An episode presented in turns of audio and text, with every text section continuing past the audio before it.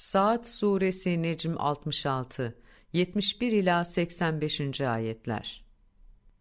Hani Rabbim bir zaman evrendeki güçlere şüphesiz ben çamurdan bir beşer oluşturucuyum. Onu düzgünleştirip bilgili hale getirdiğim zaman derhal ona boyun eğip teslim olanlar olarak yerle bir olun. Hiçleşin demişti. Bunun üzerine iblis düşünce yetisi hariç evrendeki güçlerin tümü hep birlikte boyun eğip teslimiyet gösterdiler. İblis büyüklük tasladı ve o görmezden gelenlerden idi.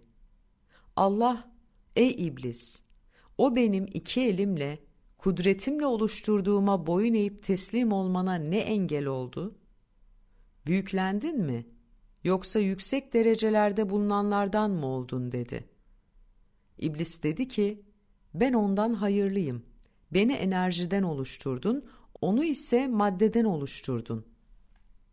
Allah, hemen çık oradan. Artık sen kesinlikle kovulmuşsun. Katilin, asılsız söz ve düşünce üretenin, karanlığa taş atanın tekisin.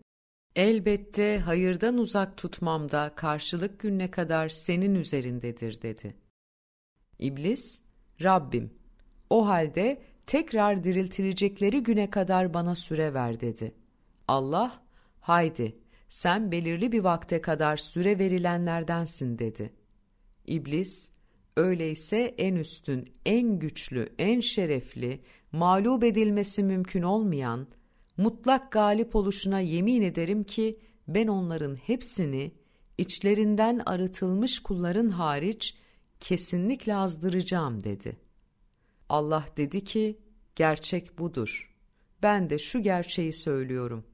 Andolsun ki cehennemi kesinlikle senden ve onların sana uyanlarından, hepinizden dolduracağım.